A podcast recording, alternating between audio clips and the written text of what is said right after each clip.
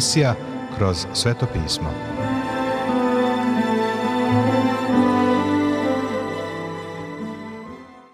Dobroveče, poštovani slušaoci i dobrodošli u još jednu emisiju programa Kroz sveto pismo, programa koji je za vas napisao Vernon McGee, a pročitao Branko Bjelajac.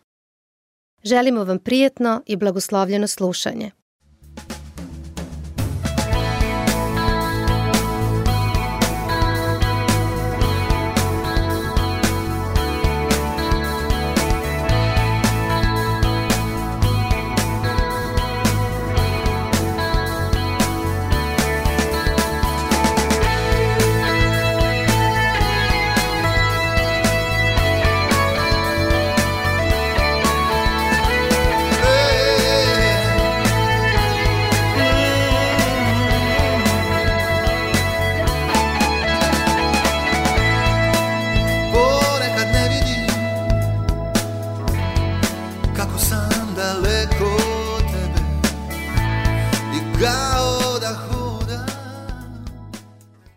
današnje proučavanje Svetoga pisma nastavljamo u Svetom pismu Staroga Zaveta, u knjizi proroka Jezekilja, u 27. poglavlju. I nastavljamo od 32. stiha raspravu o gradu Tiru. Ako hoćeš da vidiš sliku Tira kao velikog komercijalnog centra, možeš da ga sagledaš kroz proroštvo o Vavilonu u budućnosti, kada će on postati veliki trgovački, religijski i politički centar sveta. On će biti Antihristov glavni grad.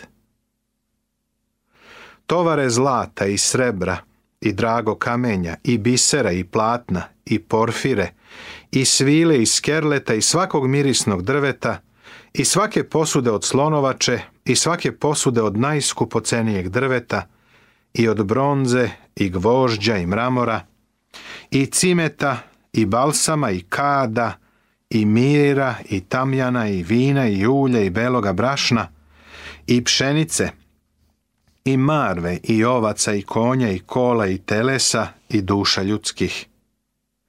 I voće koje je želela tvoja duša otide od tebe i svako obilje i svaki sjaj propadeti i više se neće naći. Kažu stihovi od 12. do 14.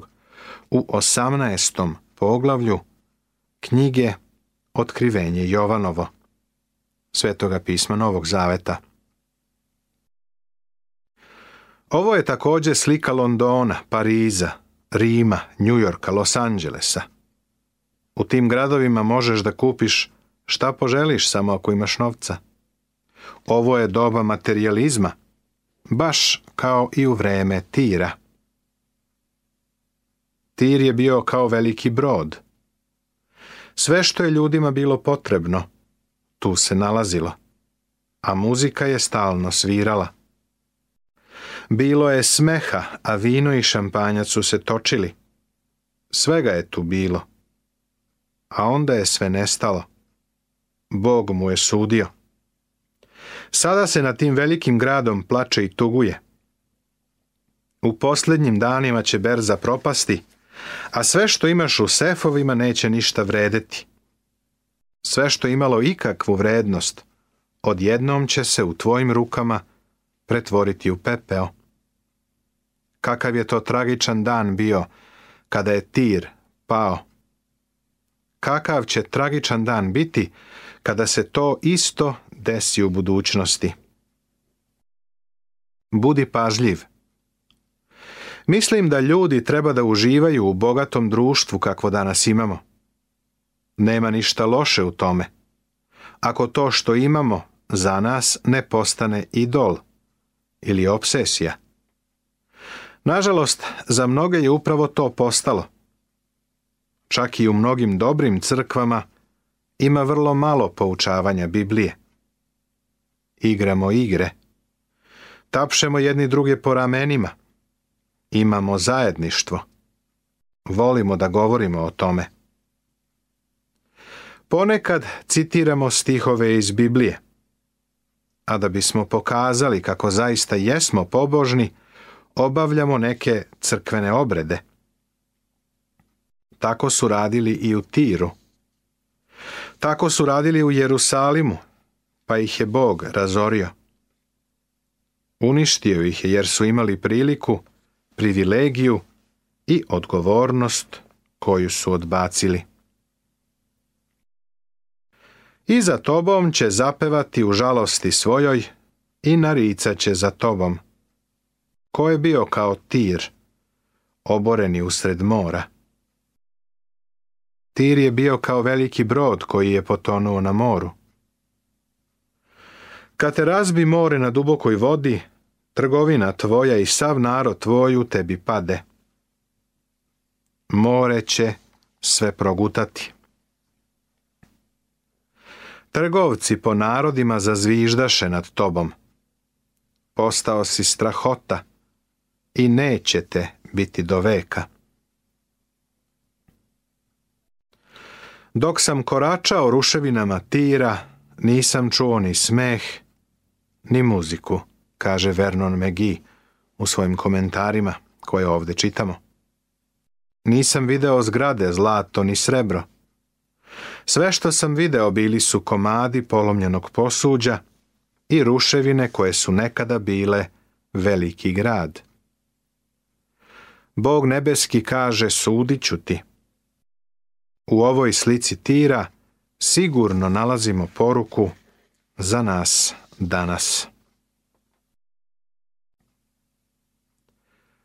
Poglavlje 28.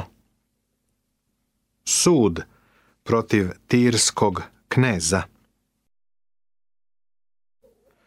U ovom poglavlju nalazimo sud protiv tirskog i sidonskog kneza proroštvo gleda iza lokalnog vladara, na onoga koji stoji iza svetskih carstava, na Sotonu.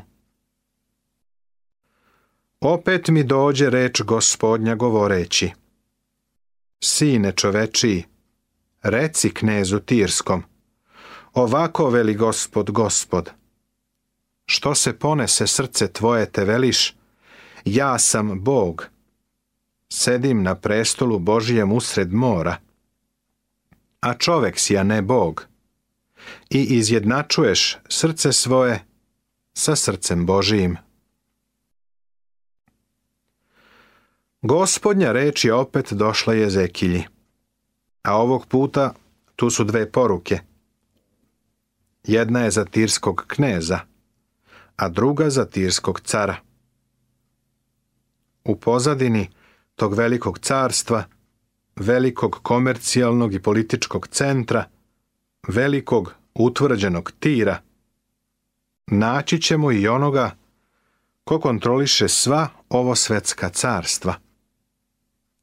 To je Sotona. On je gospodu Isusu ponudio svetska carstva tokom Hristovog iskušenja u pustinji i odvede ga gore, te mu u tren oka pokaza sva svetska carstva. I reče mu đavo, tebi ću dati svu ovu vlast i slavu njihovu, jer je meni predana i ja je dajem kome hoću. Ako se dakle pokloniš predamnom, sve će biti tvoje, kaže Evanđelje po Luki u četvrtom poglavlju, u stihovima od petog do sedmog. Gospod je odbio ponudu Sotone, ali ne zato što nije uvideo šta mu pripada. Hristos je znao da Sotona ima carstva. Na kraju će Isus vladati nad svim carstvima na svetu, ali ne kao Sotona. Međutim, još uvijek je Sotona knez sila vazdušnih. On stoji iza svetskih carstava, bez obzira da li nam se to sviđa ili ne. Verujem da ovdje imamo sliku Antihrista. U stvari, potrebne su dve osobe da bi se ispunilo sve što pismo govori o Antihristu. Jovan kaže da ih je mnogo. Jedan će poricati Hristovu ličnost. On je Hristov neprijatelj drugi će imitirati Hrista. će religijski i politički vođa. Ovde u Jezekilji verujem da imamo pred sobom kombinaciju. Evo šta je Sotona radio. Koji se protivi i diže na sve što se naziva Bogom ili svetinjom. Tako da će sesti u hram Božiji i samoga sebe predstavljati, da je on Bog. Kaže druga poslanica Solunjanima u drugom poglavlju u četvrtom stihu. Atirski knez kaže, sedim na prestolu Božijem usred mora. Ali Bog kaže, čovek si, a ne Bog, i izjednačuješ srce svoje sa srcem Božijim. Eto, mudriji si od Danila, nikakva tajna nije sakrivena od tebe. Ovde imamo još jedno pozivanje na Danila. Ako se sećaš, Jezekilj i Danilo su bili savremenici. Mladi Jezekilj je gajio duboko poštovanje prema Danilu, koji je u Vavilonu bio premijer i koji je zaista stajao za gospoda. Lično smatram da je Zekilj ima najteži posao. Živeo je sa robljem i njima je propovedao.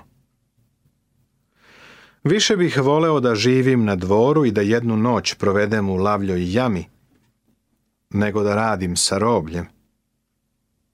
Međutim, Jezekilj u ovome nije imao mogućnost izbora.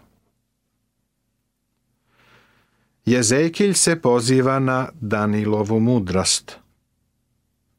Jezekilj kaže da je tirski knez pametan. Ako misliš da u to vreme nije bilo pametnih ljudi, varaš se. Mislim da su pametni ljudi toga doba organizovali takozvane intelektualne grupe, na koje danas univerzitetski centri gledaju kao na početnike u vrtiću.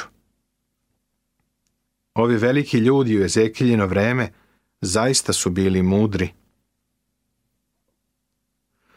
Verujem da tirski knez predstavlja religijski aspekt Antihrista. Mislim da potiče iz Izraela.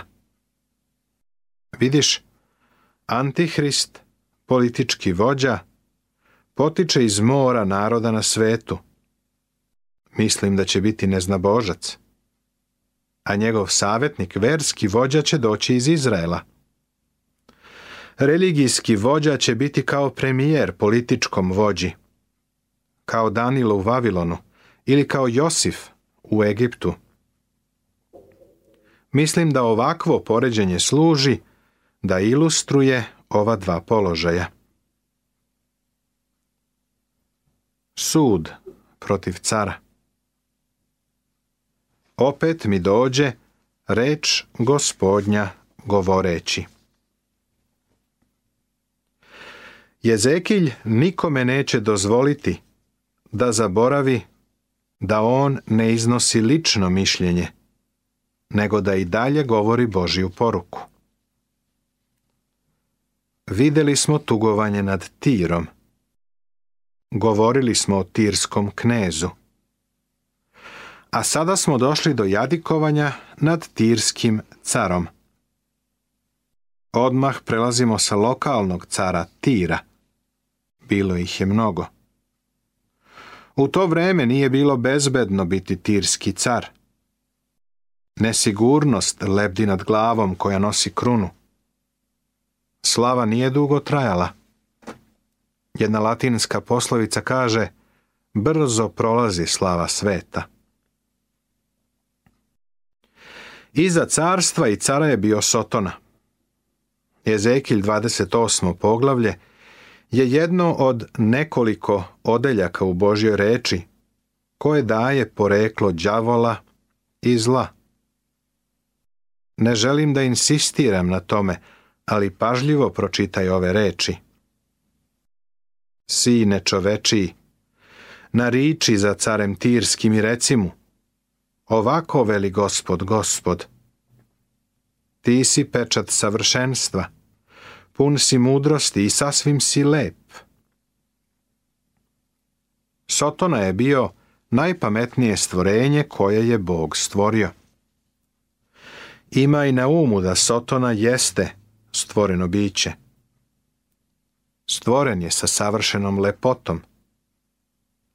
Ako o Sotoni razmišljaš kao o stvorenju sa rogovima, sa račvastim repom i razdvojenim kopitama, varaš se. Čitao si literaturu Srednjeg istoka koja potiče iz grčke mitologije, koja se zatim seže sve do Male Azije – Tamo je bio veliki Apolonov hram u Pergamu. Jedan je bio u Korintu, a jedan u Efesu. Tek nekoliko da ih spomenemo. Ovo je opis boga Pana ili Baha, boga zadovoljstva. On ima rogove, trči kroz vinograd. On je bog vinograda, bog vina. Od pojasa na dole – predstavljen je kao jarac. To stvorenje sa rogovima, račvastim repom i razdvojenim papcima potiče iz grčke mitologije. Reč Božija ne predstavlja tako Sotonu. Biblija ga predstavlja kao biće sa savršenom lepotom. Da možeš da ga vidiš, shvatio bi da je najlepše biće koje si ikada video – od mnogih sam čuo kako su lepi neki ljudi koji pripadaju nekim sektama. Kada sam bio dečak, čuo sam za takvog čoveka. Pripadao je izvesnoj sekti. Imao je srebrnasto sedu kosu, bio je vrlo zgodan. Neke žene bi se prosto onesvestile u njegovom prisustvu. Ljudi su se prema njemu ponašali skoro kao da je Bog, što je on skoro i tvrdio. Znaš li šta je bio? Bio je sveštenik Sotone. Slobodno mogu to da kažem. Kada sam bio dečak, bez znanja o onome što je Božije, on me je skoro zaveo na pogrešen put. Kako su užasni sotonski podanici. Apostol Pavle je ovo rekao o onima koji služe Sotoni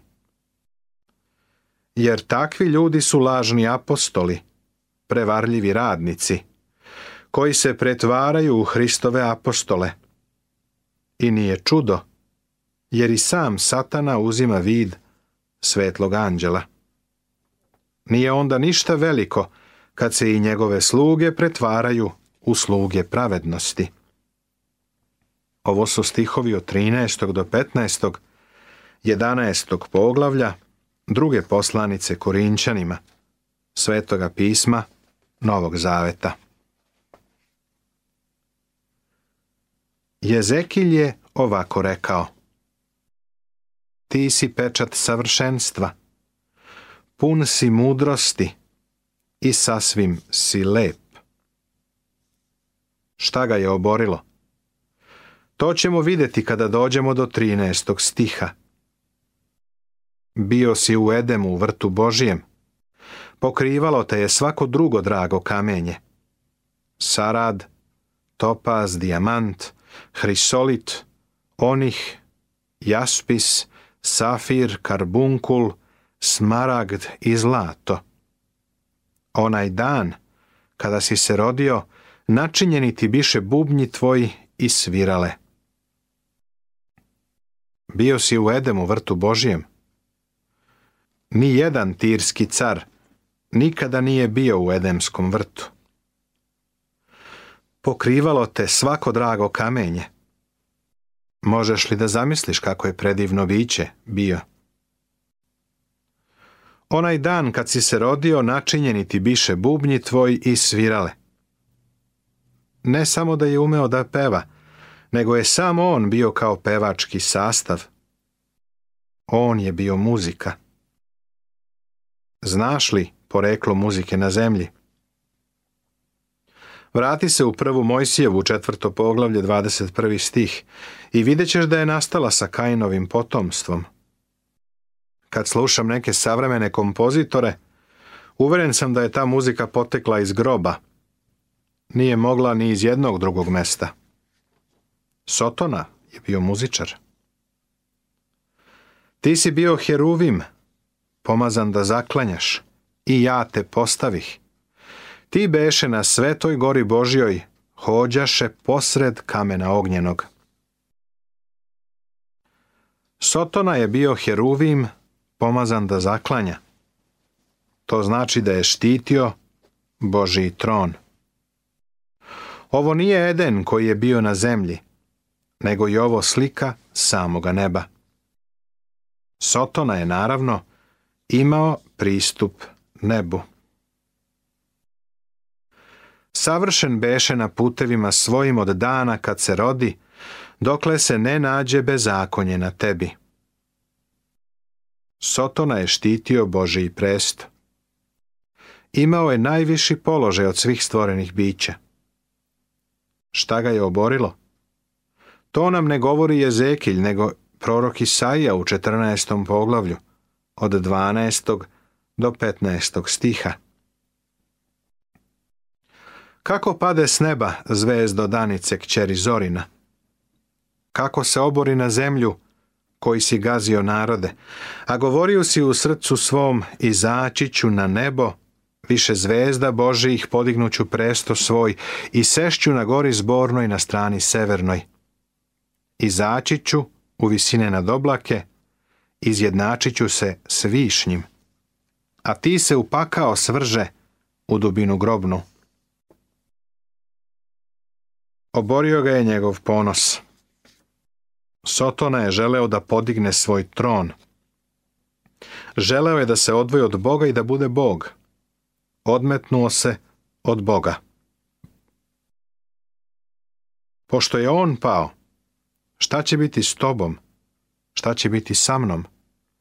On je bio savršen, ali je pao, a mi smo samo krhka ljudska bića. Bog ne toleriše pobunu. Šta će da uradi? Nastavit će se.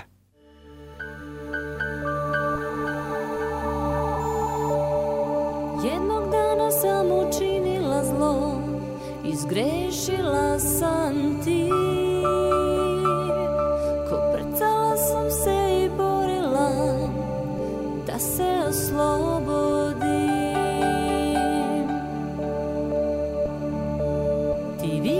nosi moju tugu iznad crnih oblaka Ti video si moju dušu što je hladna zima ko tu leda davno zaleta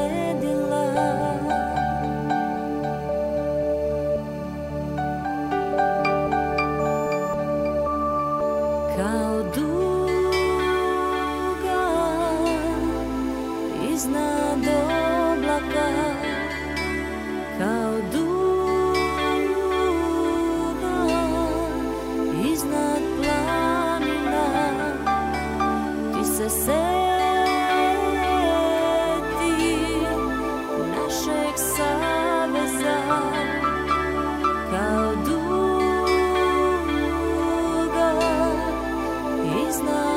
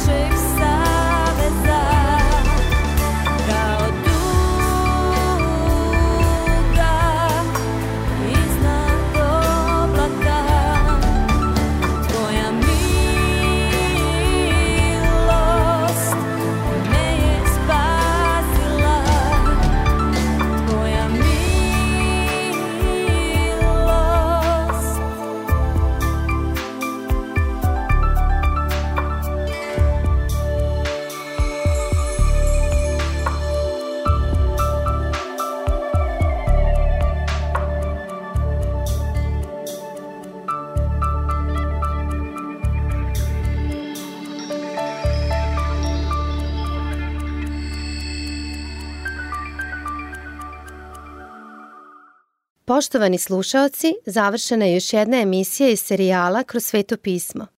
Ovaj program možete da slušate svakog radnog dana na talasnoj dužini od 1548 kHz u vremenu od 22 sata do 22 sata i 30 minuta. Ukoliko želite da nam se javite, da nas pohvalite ili pokudite, da nam predložite izmene kojima bismo mogli da poboljšamo naš program, ali i da vas nagradimo kakvom dobrom hrišćanskom knjigom, novim zavetom ili celom Biblijom. Na raspolaganju su vam telefon, elektronska pošta ili obična pošta. Broj našeg telefona je plus 381 062 396 331. Adresa redakcije glasi Poruke, Poštanski fah 37 11060 Beograd. Elektronskom poštom nas možete kontaktirati na krosvetopismo at gmail.com. Također pripremili smo vam i web stranicu na kojoj možete pronaći sve naše programe. Adresa web stranice je www.twr.com serbia.org. To bi za večeras sa naše strane bilo sve. Pozdravljaju vas i žele vam Boži blagoslov Branko, Nebojša i Monika. Laku noć.